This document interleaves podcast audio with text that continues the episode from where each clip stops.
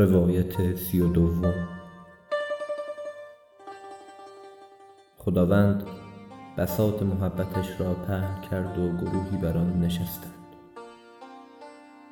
جوانمرد آمد و گفت خدایا نه من کنار این سفره نمی نشینم. کنار بساط محبت از دوستی تو مست خواهم شد. خدا خوان هیبتش را پهن کرد. گروهی بر سر آن نشستند. جوانمرد آمد و گفت خدایا نه من کنار این خان هم نمی نشینم کنار خان هیبتت از سلطنت تو دیوانه خواهم شد. خدا بساط دیگری پهن کرد و جوانمرد کنار آن نشست.